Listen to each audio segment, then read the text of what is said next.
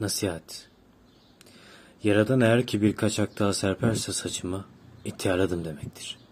O zaman işte vay halinize. Beklemeyin benden öyle ton ton dede olmamı. Ona buna söverim. Yani şimdiden diyeyim. Çöpler geç toplanmayacak. Kimse de kapıma araba koymasın.